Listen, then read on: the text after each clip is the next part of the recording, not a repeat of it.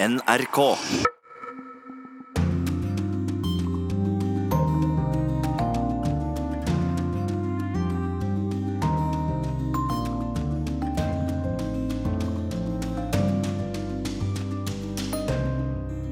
Helomvending fra Senatets justiskomité går med på ny FBI-gransking av Kavanaugh. We have now reached an agreement uh, that the FBI will conduct a supplemental background investigation. Franco-regimet stjal baby fra venstreorienterte og ga dem til barnløse venner av regimet.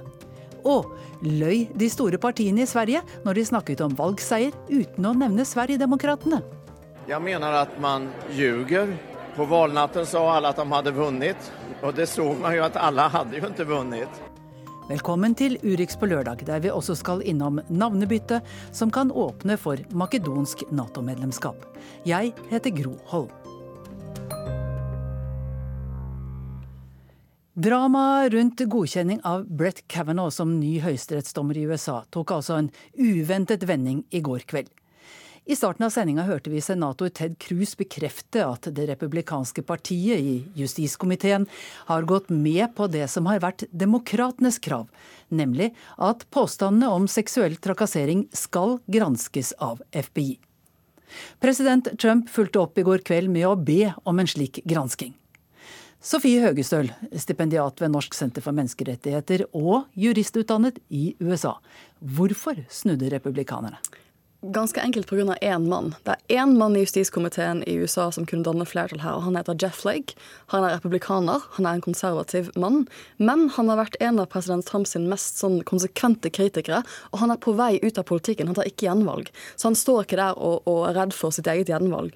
Og han gikk frem og tilbake i hele går, men kunngjorde en time før um, høringen at han skulle stemme ja til at Kavner skulle bli, uh, bli, godkjent av justiskomiteen, men så snudde han i løpet av en time. Og en av de tingene som skjedde i løpet av den timen, var at han ble konfrontert av en del kvinner um, i Senatet uh, som spurte han rett ut at 'jeg har vært utsatt for overgrep, er ikke mitt overgrep viktig?' Og da så han ut som han nesten var på gråten, og så endret han mening. Men hvor sannsynlig er det nå at det blir flertall eh, i Senatet for å godkjenne Kavanaugh? Det er helt umulig å si. Jeg tror det har veldig, det, Alt kommer an på hva som skjer i løpet av neste uke. For FBI har fått en tidsfrist. De har fått én uke på seg. Um, og vet, Mye har skjedd i løpet av den siste uken. Spørsmålet er nå hva skjer i løpet av de neste syv dagene. Eh, under denne senatshøringen eh, av Kavanaugh torsdag så mer enn antydet jo han at Blazy Blasey Fords vitnemål om seksuelt overgrep er en del av en hevnaksjon, bl.a. fordi Clinton tapte presidentvalget. Hør på dette her. This whole two-week effort has been a calculated and orchestrated political hit, fueled with apparent pent-up anger about President Trump and the 2016 election, revenge on behalf of the Clintons, ja, hevn på vegne av Clinton, eh, Clintons, sier han her. Og eh, hvor uvanlig er en slik dypt politisk påstand fra en kandidat til Høyesterett? Det er svært uvanlig. Det er et uh, stort sjangerbrudd. De skal i alle fall late som de er Det er en politisk prosess, men selve kandidaten til Høyesterett de skal holde seg upartiske under høringen. Men, men, hvorfor er dette med Clinton? Hvorfor nevner han det? Spesielt? Det er jo litt bekant, for det at han eh, som ung jurist, da han var i 30-årene, så jobbet han for Kenneth Starr-etterforskningen, altså den spesialetterforskningen som var mot Bill Clinton.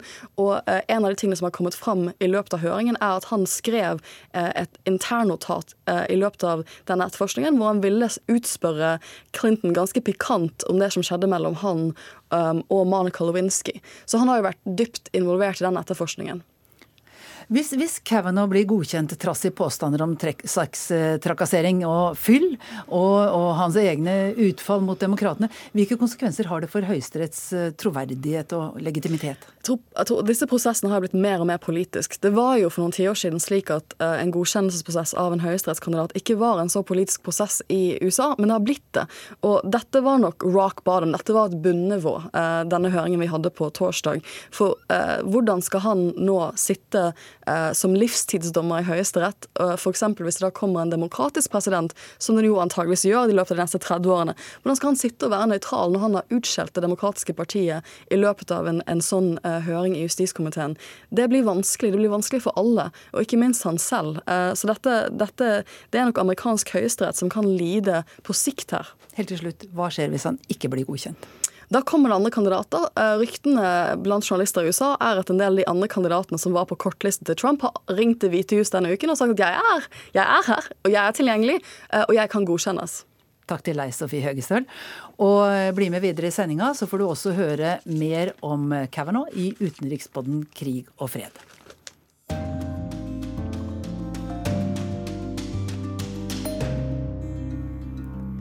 I Spania leter mange tusen mennesker etter sin biologiske familie. Under Franco-regimet ble spedbarn tatt fra kommunister og marxister og gitt til barnløse venner av regimet, med kirkens hjelp. Liksombegravelser og falske fødselsattester hører med til historien. Og praksisen, ja, den fortsatte etter Francos død. Me robaron a mi hijo San Carlos de Madrid en 1984. De stjal mitt barn på Hospital Clinico de San Carlos i Madrid i 1984. Mitt barn ble født i live, og jeg fikk holde ham i mine armer, men de sa han var dødfødt. El día 15 de agosto del 62 en la clínica San Ramón nació mi hija Paloma. 15. august 1962 ble min datter Paloma født på San Ramón klinikk. De tok henne fra armene mine og sa hun var død. Busco a mi hermano, eh, nacido en la casa de la madre.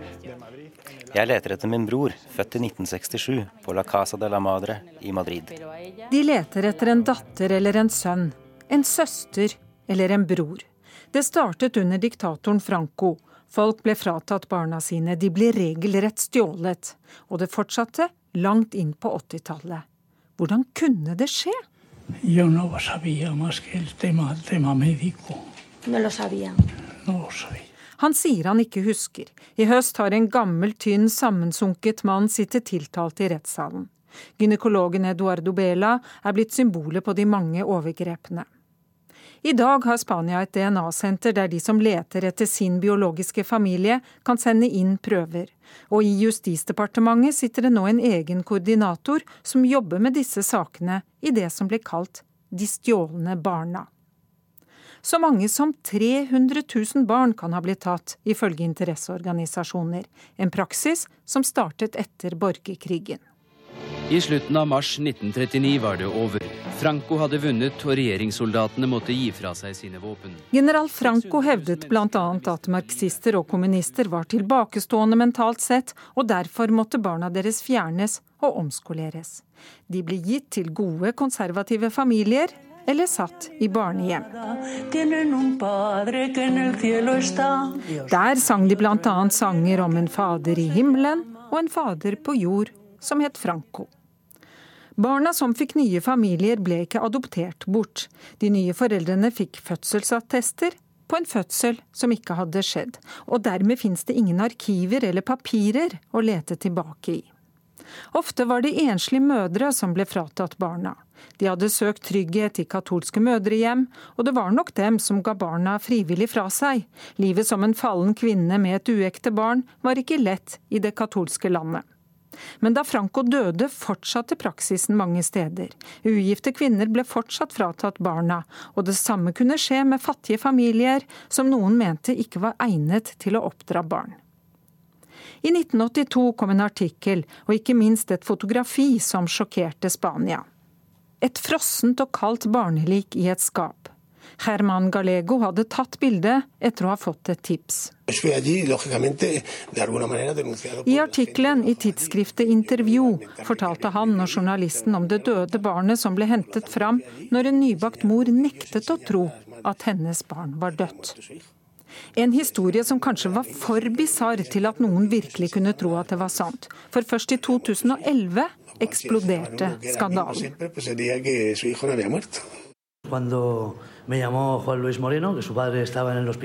Dette er Antonio Barroso, en av grunnleggerne av de mange støtteorganisasjonene som er etablert i Spania nå. Da faren til naboen hans, Juan Luis Moreno, lå for døden, klarte han ikke bære hemmeligheten lenger.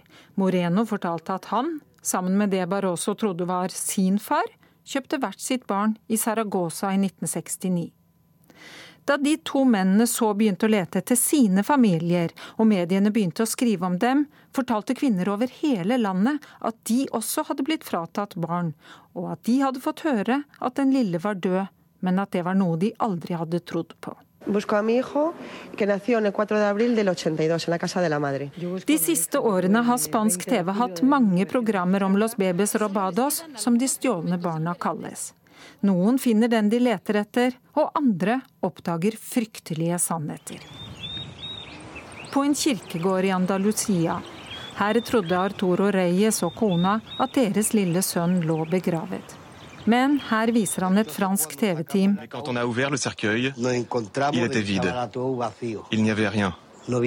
en tom kiste. Det ble oppdaget da det skulle gjøres arbeid på gravplassen. Kona hadde brodert en liten hvit pose som levningene til barnet skulle legges i når kisten måtte flyttes. Og kisten hadde de mottatt ferdig forseglet da de fikk vite at sønnen var død. Men da de åpnet den, viste det seg at den var tom. Kanskje jeg har en 42 år gammel sønn som går rundt et sted her i verden, sa Arturo. Entonces, bueno, pues, eh, Ines Madrigal fikk mistanke om at hun kunne være et av disse stjålne barna da hun leste om saken i 2010.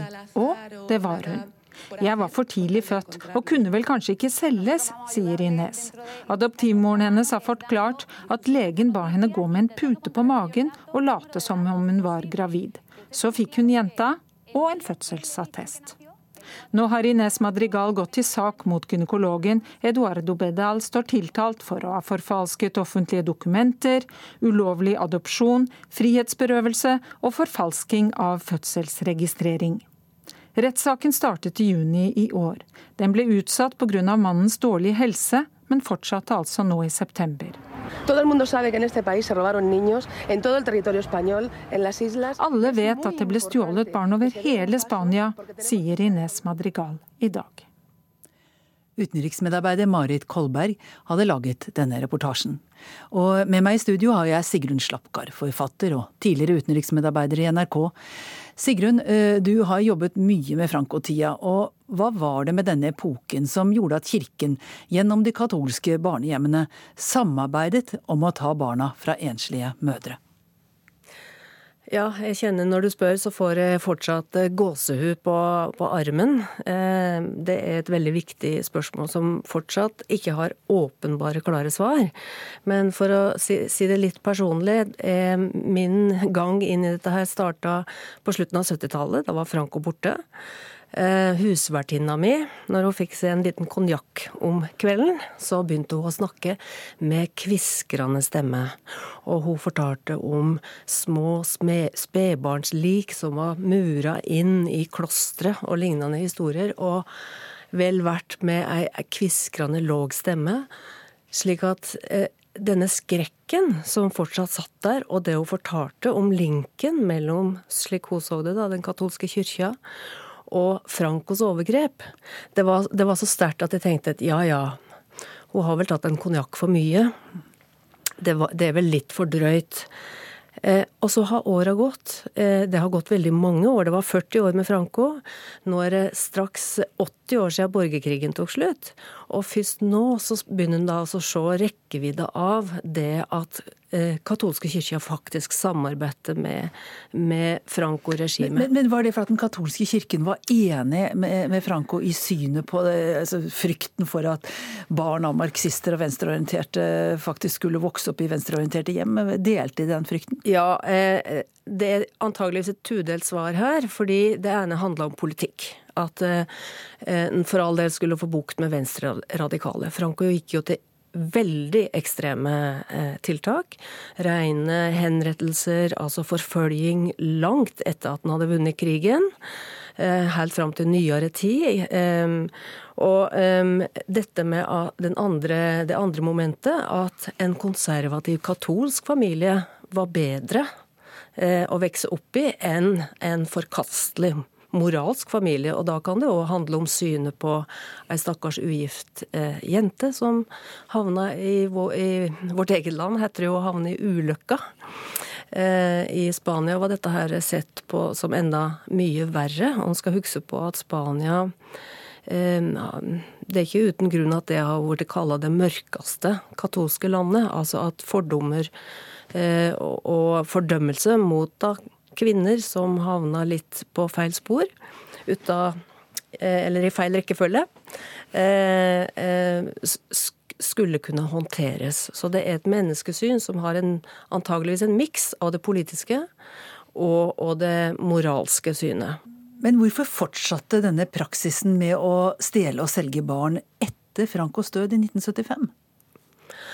Altså, En skal huske på at uh, dette som uh, i en uh, tittel fra Spaniakrigen var kalt mør 'Mørke midt på dagen', det varte da ikke bare under krigen i Spania, men i 40 år etterpå. Og det tok enda mange flere år etter at Franco døde i 1975, før da klarte å hente fram en viss vilje til å se inn i det som hadde skjedd, altså ta et oppgjør med det som hadde skjedd. Det betydde at praksis praksisen kunne fortsette. Politisk sett så eh, var det for Spania den eneste måten å gå videre på, var jo å vedta en glemselenspakt. glemselens. Og eh, det var i da, tillegg til rein amnestilov i 1977, så var, betydde det at alle politiske mm, partier ble enige om å legge lokk på det som hadde skjedd, at det ikke skulle skje noe rettsforfølgelse. Og denne glemselens pakt ga jo òg rom for at en slik praksis kunne eh, på en måte fortsette. At det ikke ble gravd i det. Og eh, det skulle gå enda flere år. Det er jo først eh, på 2000-tallet at det skjer ei endring i Spania. Da kommer i 2007 ei lov om rett til historisk minne.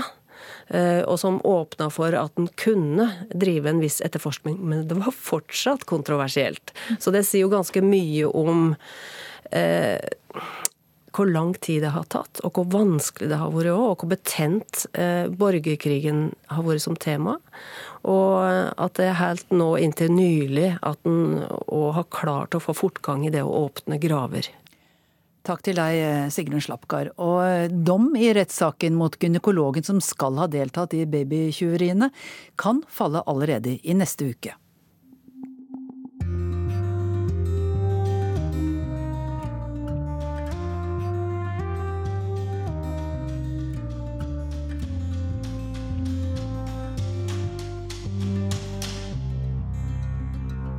I morgen er det folkeavstemning i den lille republikken Makedonia. Da skal innbyggerne stemme over om landet skal hete Nord-Makedonia.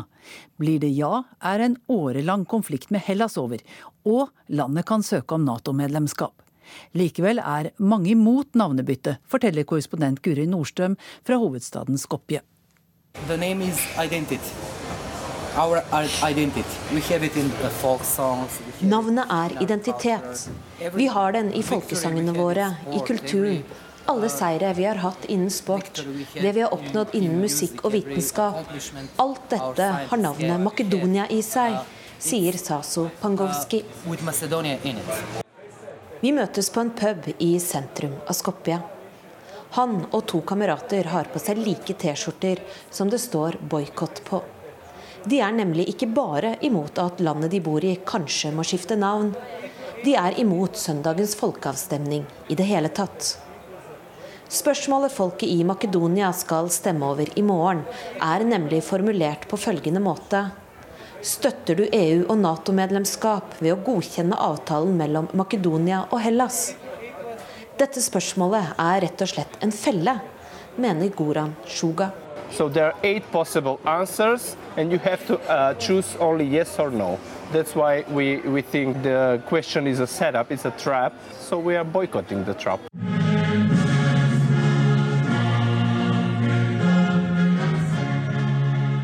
Makedonere kjemper for sine rettigheter, heter det så treffende i landets nasjonalsang. Den lille innlandsstaten på Balkan var frem til 1991 en del av Jugoslavia. I sør grenser landet mot Hellas, og det er her problemet ligger. Hellas har nemlig en region i nord som også heter Makedonia.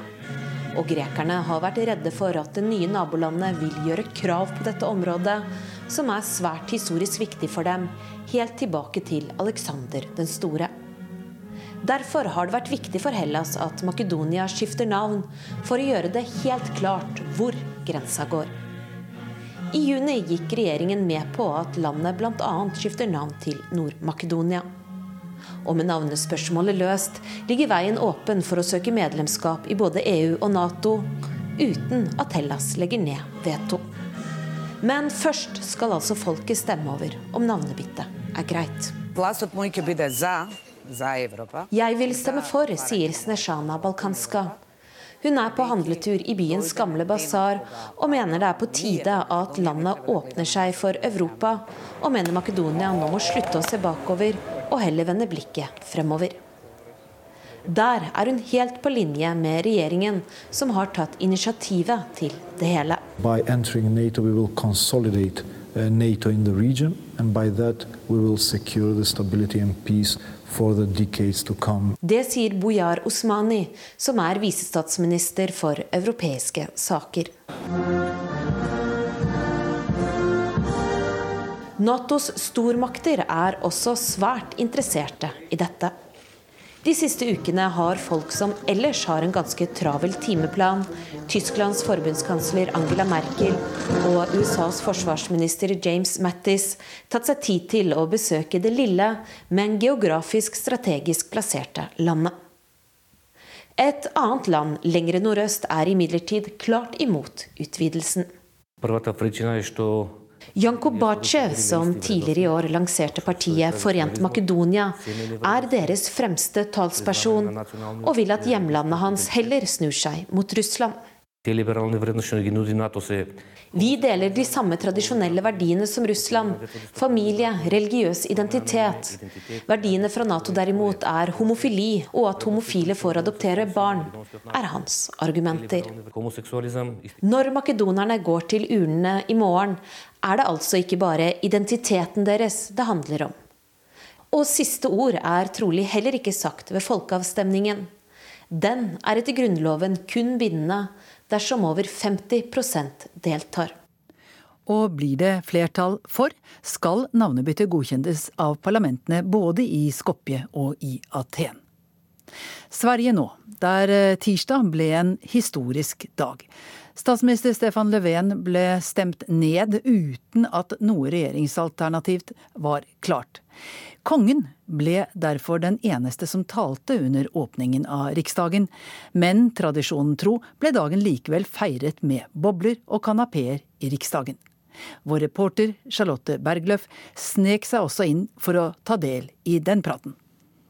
I natt jeg drømte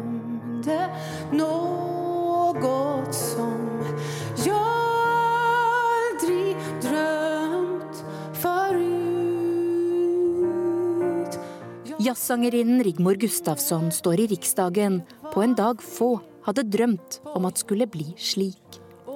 Pyntet til fest sitter de folkevalgte og kongefamilien samlet til offisiell åpning. Mange litt bleke om nebbet etter den dramatiske starten på dagen. Statsminister Stefan Löfven har nettopp mistet tilliten. Nedstemt er det fremdeles helt uvisst hvem som skal lede Sverige videre. Med kongen igjen som eneste taler maner Hans Majestet de folkevalgte om å ta ansvar. Det forventes nå at dere skal anvende deres kunnskaper og erfarenheter til å verke for Sveriges beste og for en god framtid for alle som lever her. Alvoret til tross, demokratiet skal feires. Med såkalt mingel, uformell prat. Vi smetter inn i Riksdagens festsal, pyntet med blomsterdekorasjoner og bugnende fat. Stefan Löfven og konen Ulla smiler og ler. De folkevalgte skåler i berusende bobler over kanapeene. Stemningen synes lett, men alle prater om hva som skal skje nå. Det er ekstremt uvanlig. Historisk unikt. I mylderet står en mann som har dekket svensk politikk i en mannsalder. Med sin dokumentar 'Lenge leve demokratiet' var han med på å sette dagsorden i valgkampen i år. Bak det vennlige smilet til Jan Skjerman er uroen tydelig. Sverige har jo, tycker jeg, i de seneste ukene, månedene, blitt som et litet Trump-land, et lite USA. Hva mener du med det? Jeg mener at man ljuger. På valnatten sa alle at de hadde vunnet, og det så man jo at alle hadde jo ikke vunnet. Vi ljuger på et svenskt sett. Hva betyr det? Ja, det betyder at det er litt mer forsiktig, litt mer sofistikert. Man sier ikke som Donald Trump, jeg har den største publiken noensinne på et installationstal, Utan man sier i forhold til opinionsmätningarna så har jeg vunnet, trots at man kanskje gjør sitt sämsta valresultat. Va? Og da har løgnen på noe sett kommet inn i hele det politiske systemet. Og så låser man alle mulige kompromisser og løsninger. Veldig osvenskt, og jeg tror dessuten veldig farlig i forlengningen for demokratien. Sherman mener partiene låste seg allerede i valgkampen med sine uvanlig steile holdninger til hvem det ville være mulig å samarbeide med. Det kan drive frem et nyvalg uten at det nødvendigvis løser stort. Det er jo et ubestridt faktum at nesten hver femte svensk velger har røstet på Sverigedemokraterna alle de andre partiene som naturligvis tillsammans er større, sier er skal vi ikke prate med. Hva gjør det med Sverige? Om man med demokrati mener majoritetens tyranni, for det blir jo tyvärr lite så, da holder jo demokratin på å devalveres på riktig. Den som får fortroendet å lede landet, skal jo ikke bare som statsminister eller regjeringskonstellasjon ta til vare sine partiers interesser, utan skal jo regjere i hele folkets interesse. Jeg drømte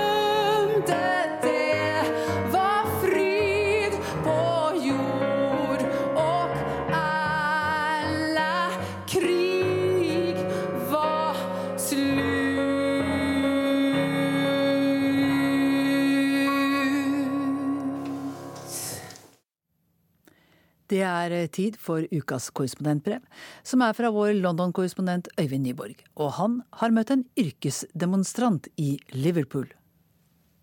Et stort blått EU-flagg vaier i vinden, og jeg drar umiddelbart kjensel på hvem det er som holder det høyt oppe. Du vet nok også hvem det er, om du tenker deg om, men det skal jeg komme tilbake til. Iført en blå flosshatt og med The Union Jack rundt seg som en kappe, står Steve Bray utenfor konferansebygget som huser årets Labour-landsmøte i Liverpool. Brexit, er det verdt det, spør han de forbipasserende partidelegatene som skal inn på konferansen. Jeg har sett ham før, mange ganger, der han står utenfor Parliament Square i London og demonstrerer mot brexit. Ofte i ensom majestet. Hver dag mellom klokken 11 og 19 er han på plass. Om regnet pisker ned, eller om det er strålende sol, så kan du være sikker på at Bray er i byen, enten utenfor Westminster eller Downing Street.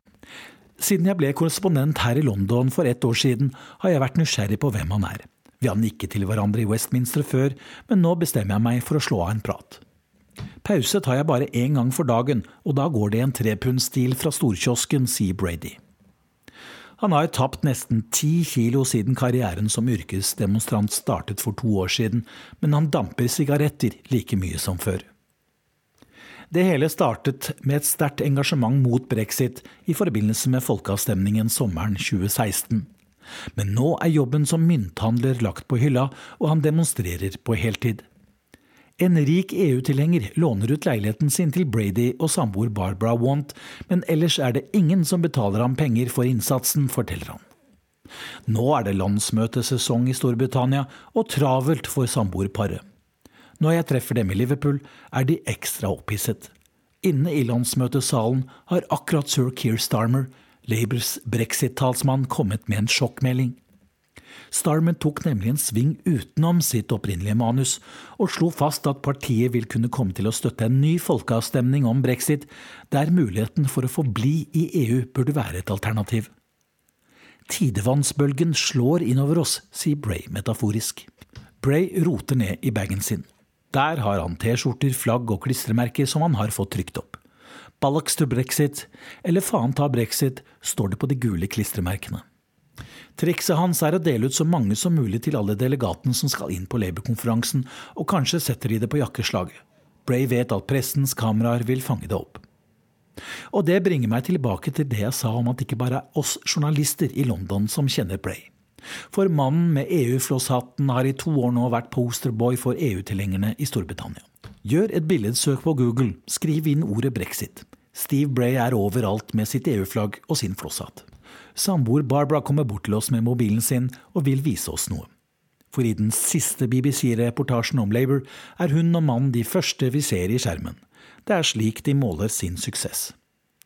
Vi vil gjerne vise millioner av TV-seere samt beslutningstagere i både Storbritannia og resten av verden at det også er EU-tilhengere i dette landet, sier Bray. Men det er ikke bare anti-brexit-demonstrantene som har sine triks i Liverpool denne uken. Det er nemlig ikke tilfeldig at det britiske Arbeiderpartiet har valgt denne byen for sin stormønstring. Utenfor Liverpools storstue Anfield Road står en bronsestatue av en mann i dress og med armene ut til siden og knyttede never.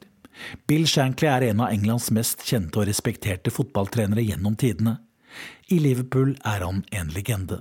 Shankly begynte som trener i 1959, da Liverpool lå nede i andredivisjon.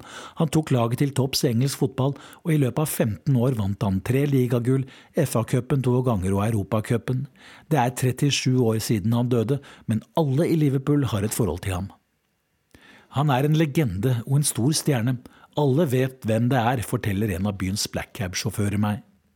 Bill sto ut med hendene og knyttet nevene når han sto foran en forsamling. På den måten fikk han folk til å falle til ro, og han kunne begynne å snakke så alle hørte det, forteller sjåføren, som etter å ha fått vite at jeg er korrespondent fra Norge, har fått vann på mølla. Jeg kan òg litt om Liverpool, men la være å si noe til sjåføren. I 1979 var jeg seks år. Kevin Keegan, Kenny Daglish, Ian Rush, Bruce Goulart.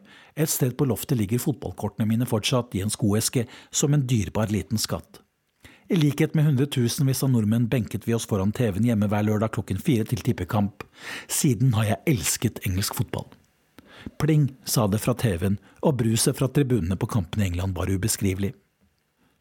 Bill Shankly vokste opp i en gruvelandsby der fagforeningene sto sterkt. Han var en stor sosialist, og selv om jeg ikke er det, så hadde jeg en veldig stor respekt for ham, sier taxisjåføren min i Liverpool. Partileder Jeremy Corbyn er en svoren sosialist som Bill Shankly var. Corbyn har òg feid av banen den fløyen i partiet som støttet moderniseringen av Labour, som Tony Blair og Gordon Brown sto for. Tony Blairs navn blir ikke nevnt på årets landsmøte i Liverpool. Før Corbyns hovedtale på siste dag av landsmøtet reiser Labour-medlemmene seg i salen og synger Liverpool-sangen You'll Never Walk Alone av full hals. Frieriet til folk i Liverpool og til arbeiderklassen er komplett, selv om det er garantert en del av byens Liverpool-fans som ikke syns noe om at sangene deres blir brukt på den måten. Men det er slik Labour skaffer seg oppmerksomheten til pressens kameraer. Det ser og høres bra ut. Et kamerateam starter å filme utenfor Labours konferansebygg. Brexit-forkjemperne retter seg opp i ryggen, og Bray roper ut sine slagord som om det var på kommando. Hvorfor filmer du dem, spør jeg. Det er for å gi litt farge til historien, sier fotografen. En journalist gjør seg klar til å gå på direkten i sin TV-kanal. Bray og Want benytter sjansen og stiller seg opp bak ham, slik at de skal være godt synlige i bildet. De er bare to, men det skapes på et vis inntrykk av at de er mange. Effektiv reklame for saken er det helt sikkert. Han kan være litt irriterende fordi han skal absolutt foran kameraet ditt hele tiden, sier en TV-fotograf jeg kjenner fra London. Brady har utsatt meg for det samme flere ganger, men han flytter seg hvis du spør ham høflig. Solen skinner i Liverpool, men det er ikke alltid like behagelig å være yrkesdemonstrant. Det verste Brady har opplevd de siste to årene, hendte i forbindelse med en demonstrasjon for en høyreorientert gruppe i London. Han ble skjelt ut på det groveste, og han følte situasjonen var truende.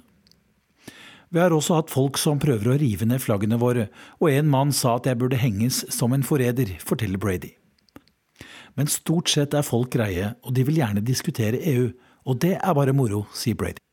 Labour-leder Jeremy Corbyn er ferdig med sin tale til landsmøtet. NRKs fotograf og jeg skal lage sak om Labours standpunkt i EU-saken til kveldens Dagsrevy. Også i vår sak har Steve Brady og samboer Barbara Want en liten opptreden. I morgen starter de konservative sitt landsmøte i Birmingham. EU-saken henger som en mare over statsminister Theresa May, og flere i partiet vil komme til å utfordre hennes brexit-plan i uken som kommer. Statsminister Theresa May er trengt opp i et hjørne i forhold til brexit. Hun har sagt at det må bli hennes deal eller ingen deal. Problemet er bare at EU ikke vil ha brexit-planen hennes, som går ut på en løs tilknytning til EUs indre marked. Flere i hennes egen regjering vil heller ikke ha den, og opposisjonen vil heller ikke ha den. På toppen av det hele så pågår det et opprør mot Mays brexit-plan, ledet av tidligere utenriksminister Boris Johnson og avgåtte brexit-minister David Davis. De ønsker seg en avtale med EU som ligner mer på den frihandelsavtalen som Canada har med EU. Samtidig mener mange Boris Johnson er ute etter ledervervet i partiet og statsministerstolen. Det skal med andre ord bli spennende å se hva slags triks de konservative kommer opp med i Birmingham for å forsøke å samle partiet. Og klokken tikker og tikker. Steve Bray har taktikken klar. Jeg vil prøve å få smuglet inn noen EU-flagg inn i landsmøtesalen. Det hadde vært tøft, sier han. Han har 181 dager igjen å demonstrere på. 29. mars neste år skal Storbritannia etter planen ut av EU. Øyvind Nyborg, Liverpool.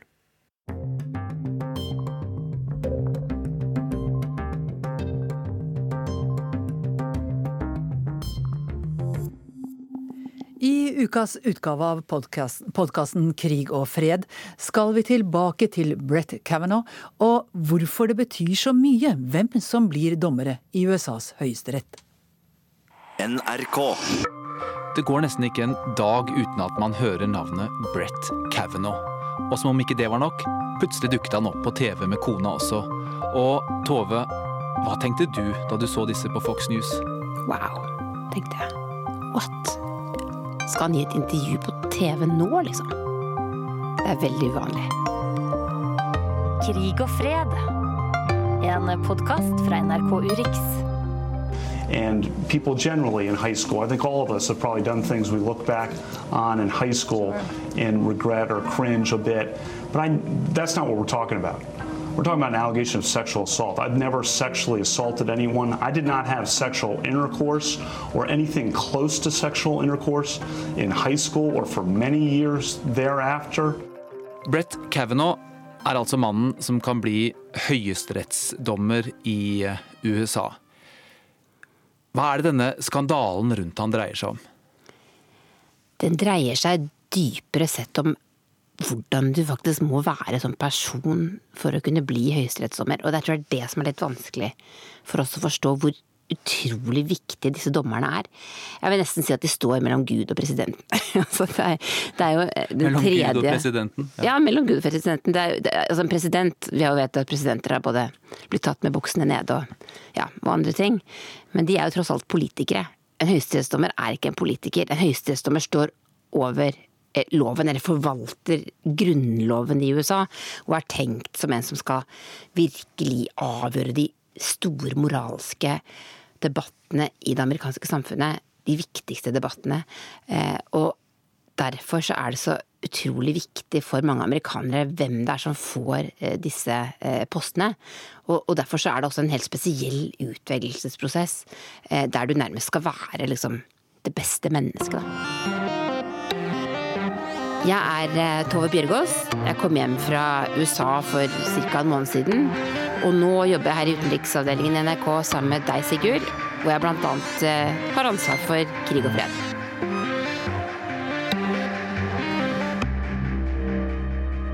Men dette intervjuet han ga med kona si, hvor han fortalte hvor prektig han var, og hvor eh, eksemplarisk oppførselen hans eh, hadde vært eh, Han hadde ikke engang hatt sex da han gikk på videregående. Det var jo et intervju som i hvert fall for en utenforstående kunne minne om et politikerintervju, hvor de kommer med alle sine bekjennelser på TV, noe som er veldig fremmed for uh, europeisk kultur f.eks. Ja, men det er det som er så spesielt, at, det at en høyesterettsdommerkandidat gir et sånt intervju. Det er altså eh, Martha McCulloch i Fox spør ham er det sant at du stakk kjønnsorganet ditt opp i ansiktet på, på en jente på en fest på Yale, liksom. Altså, det er utrolig nedverdigende å bli spurt om noe sånt. Men det skjedde jo innenfor en ramme av innenfor den amerikanske konservatismens eh, høyborg, må man si, som Fox News har blitt. All right, it is Wednesday, September 26th, and full steam ahead. Senate Republicans Ja, og TV-intervjuet på Fox News er jo ofte et sted der replikanere som trenger å forklare seg eh, om noe går, da. Men det er igjen dette skillet mellom en høyesterettsdommer og en annen politiker. Han er ikke politiker. Nei, for Han blir jo ikke folkevalgt. Nei. En høyesterettsdommer er jo samtidig politisk. Man skal jo være nøytral som dommer, men vi, vi snakker Dere har kanskje du har sikkert hørt at de snakker om at det vil bli konservativt flertall i Høyesterett nå. Og det handler jo om at det er ulike måter å se amerikanske lovtolkning på. Og, det er jo litt spesielt at man tenker så politisk om lovene sine, men det syns liksom amerikanerne er greit. Høyesterett, hva slags institusjon er det innenfor det amerikanske demokratiet? Høyesterett får altså sakene som har gått gjennom det amerikanske rettssystemet, sånn som Høyesterett i Norge for saker som har gått gjennom det norske. Men i USA så begynner ofte disse sakene i delstatene, og så når en sak har, samlet nok prinsipiell oppmerksomhet, eller det er blitt viktig nok og har blitt anket mange nok ganger oppover i systemet, så kan da Høyesterett vurdere om de i det hele tatt ønsker å se på den saken. Så det er dommerne i Høyesterett som bestemmer hvilke saker de ønsker å, å, å ta opp.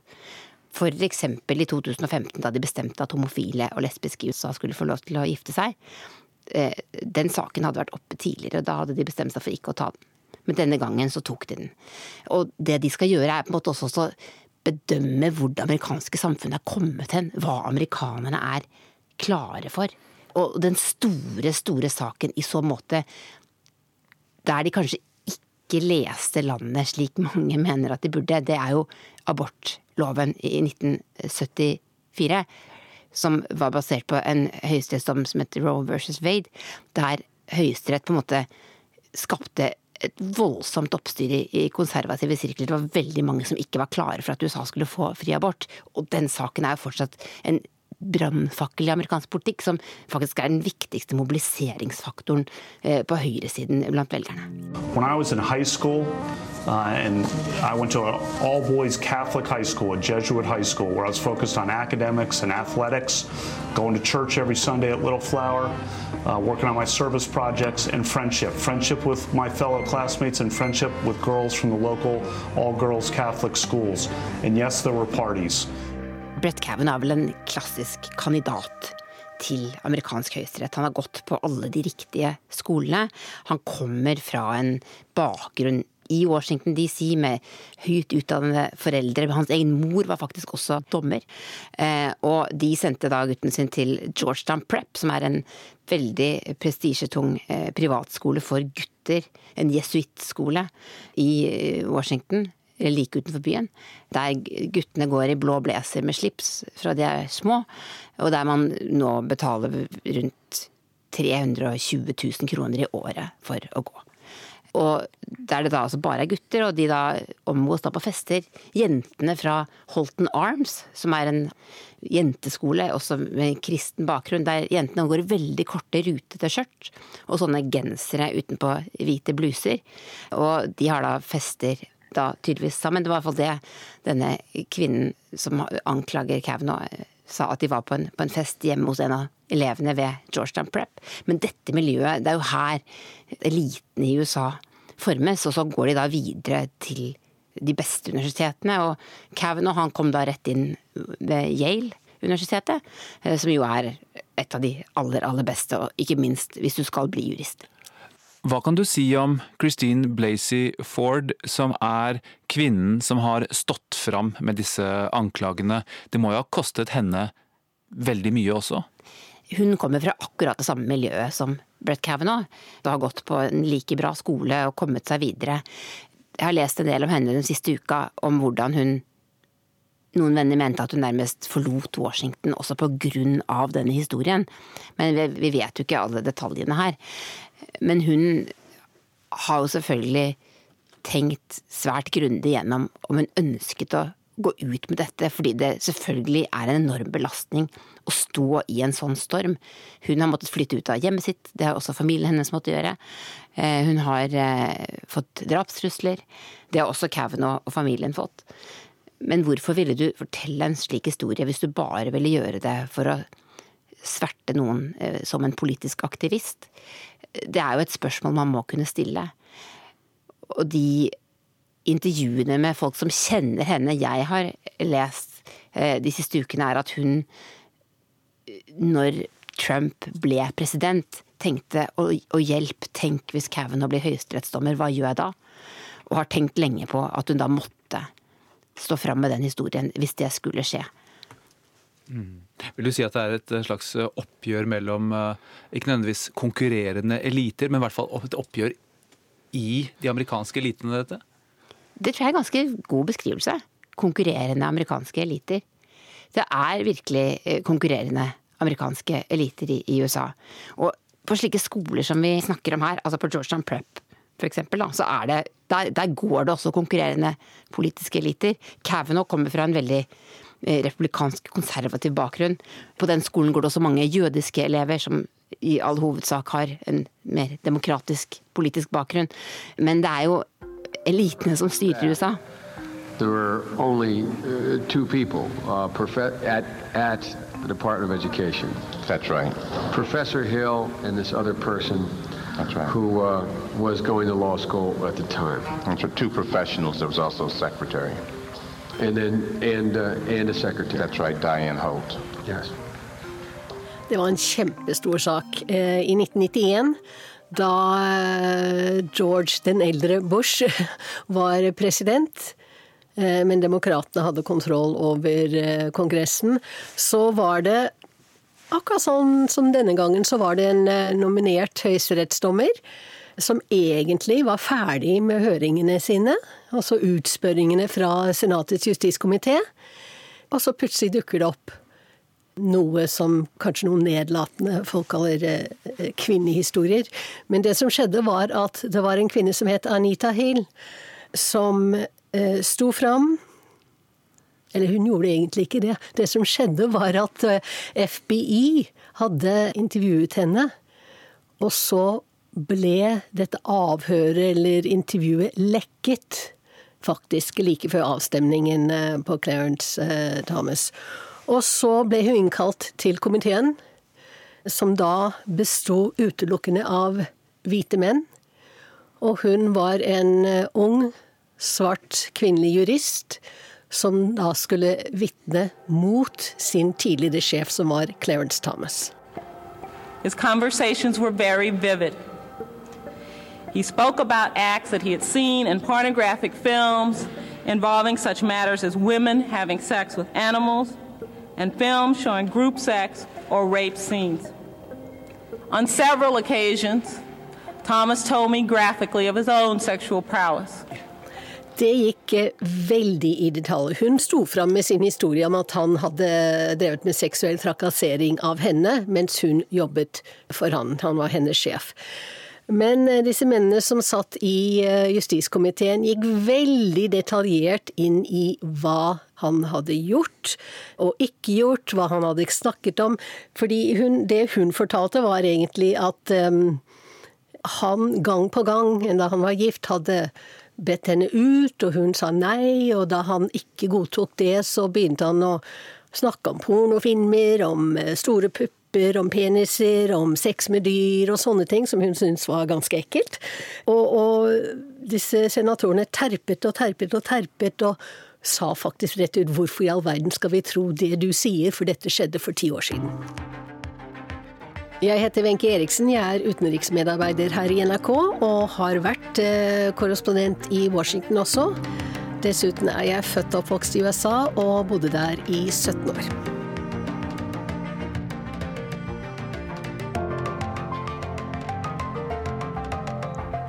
Men nå er vi jo egentlig nesten blitt vant til sexskandaler i amerikansk politikk. Men i 1991, når dette kom på amerikansk fjernsyn, hvilket inntrykk gjorde det på amerikanere?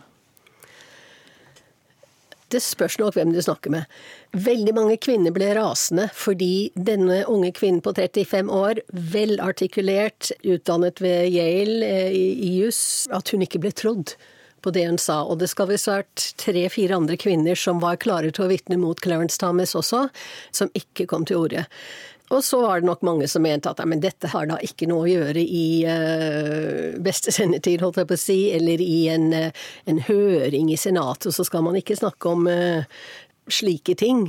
Det var nok Jeg vet ikke om jeg vil si at det var mer vanlig å drive med seksuell trakassering da, men bevisstheten var nok ikke så stor som den er i dag, at slik oppfører man seg ikke. Ja, for han ble godkjent? Han ble godkjent med knapp margin, svært knapp margin. Men i alle sånne prosesser i, når det gjelder høyesterett i USA, så er det politikken i bildet der. ikke sant? Akkurat eh, Der var det også demokrater som stemte mot Clarence Thomas, ikke pga. Anita Hill nødvendigvis, men fordi de ikke vil ha en konservativ, svært konservativ dommer på, i Høyesterett. Og han sitter fortsatt? Han sitter fortsatt.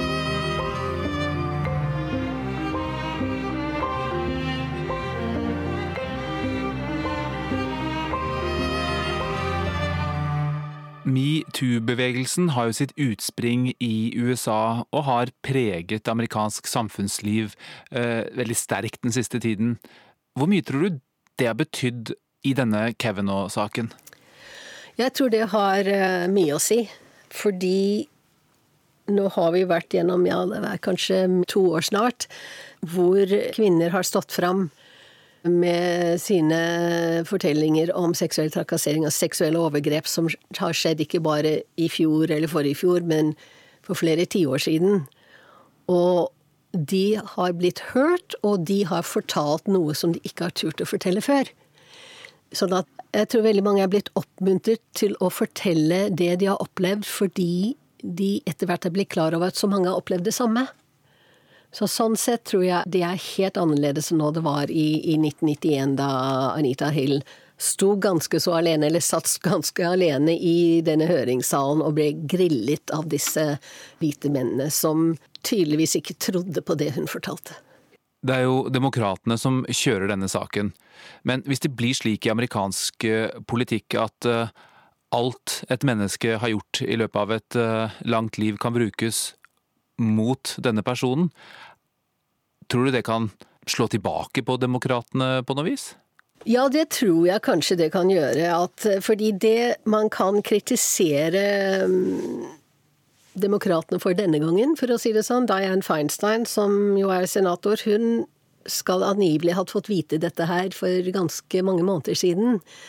Og det er uh, mange som kritiserer henne for ikke å ha kommet med dette tidligere, hvis hun virkelig mente at det var så alvorlig. Det virker nesten som om demokratene ventet med dette kortet til de var, hadde brukt opp alt annet de hadde, og det ikke førte fram. Det er det mange som, som snakker om og som mener. Eh, men likevel så Anita Hill har jo kastet seg inn i debatten her også igjen. Hun er faktisk professor i dag eh, i kvinnerettigheter og likestilling, blant annet. Hun mener at de anklagene som kommer nå, må tas alvorlig. Hun mener det er mye å lære fra det som skjedde med henne i 1991. Anklagene må tas alvorlig. En uh, uavhengig kommisjon eller komité eller noe slikt må granske disse påstandene som kommer uh, mot Kavanaugh og at uh, hun skrev en artikkel, eller en, en, uh, et innlegg i New York Times for et par uker siden, og hun mener også at nå må man ha lært av de feil man gjorde for så mange år siden. Dette kan man ikke akseptere lenger, og noe må skje nå. Men hun er demokrat, så igjen Jeg vil ikke si at hun ikke, ikke har rett, men alt som skjer i denne saken her, har med politikk å gjøre. He's an incredible individual, great intellect, great judge, impeccable history in every way, in every way. I feel so badly for him that he's going through this, to be honest with you. I feel so badly for him. This is not a man that deserves this. Og så er det jo også slik at eh, president Donald Trump har engasjert seg offentlig til støtte for Brett Kavanaugh. Hvorfor gjør han det, Tove? Fordi Donald Trump ønsker Kavanaugh som dommer, og fordi han også visstnok nå er veldig irritert på sine partifeller i Senatet, fordi de mener at de ikke har kjempet hardt nok for Kavanaugh. At de har gitt etter for dette presset om en høring. At de bare skulle ha frest igjennom og fått han godkjent. Så han har blitt nærmest holdt unna etter hva jeg har skjønt. fordi hvis Trump nå gikk ut og uttalte seg masse om dette, så ville han sannsynligvis ganske raskt miste litt kontrollen over hva han sa. Og så kunne det bli enda mer negativt for Kavanaugh. Så jeg tror kanskje det at han kom ut i dette TV-intervjuet var i stor grad også noe Det hvite hus hadde bedt ham om å gjøre. Dette er jo Trumps kandidat, så selvfølgelig ville han ha Brett Kavanaugh gjennom. Men hvorfor er dette så viktig for Trump akkurat nå? Fordi denne saken, det er den saken Trump kommer til å bli husket for i generasjoner fremover. Det er denne høyesterettsutnevnelsen som kan forandre USA for 20-30 år fremover. Fordi denne utnevnelsen kan gi Høyesterett et konservativt flertall, og det var det Trump som sikret. Det har en helt enorm betydning for Trump. Og jeg tror nesten eh, Hvis han skal håpe å bli gjenvalgt eh, om to år, så er det det som kanskje vil være grunnsteinen for det. Da. Så, så, det, så det er faktisk så viktig. Fordi denne, akkurat denne utnevnelsen er den som vipper balansen i Høyesterett over på konservativ side.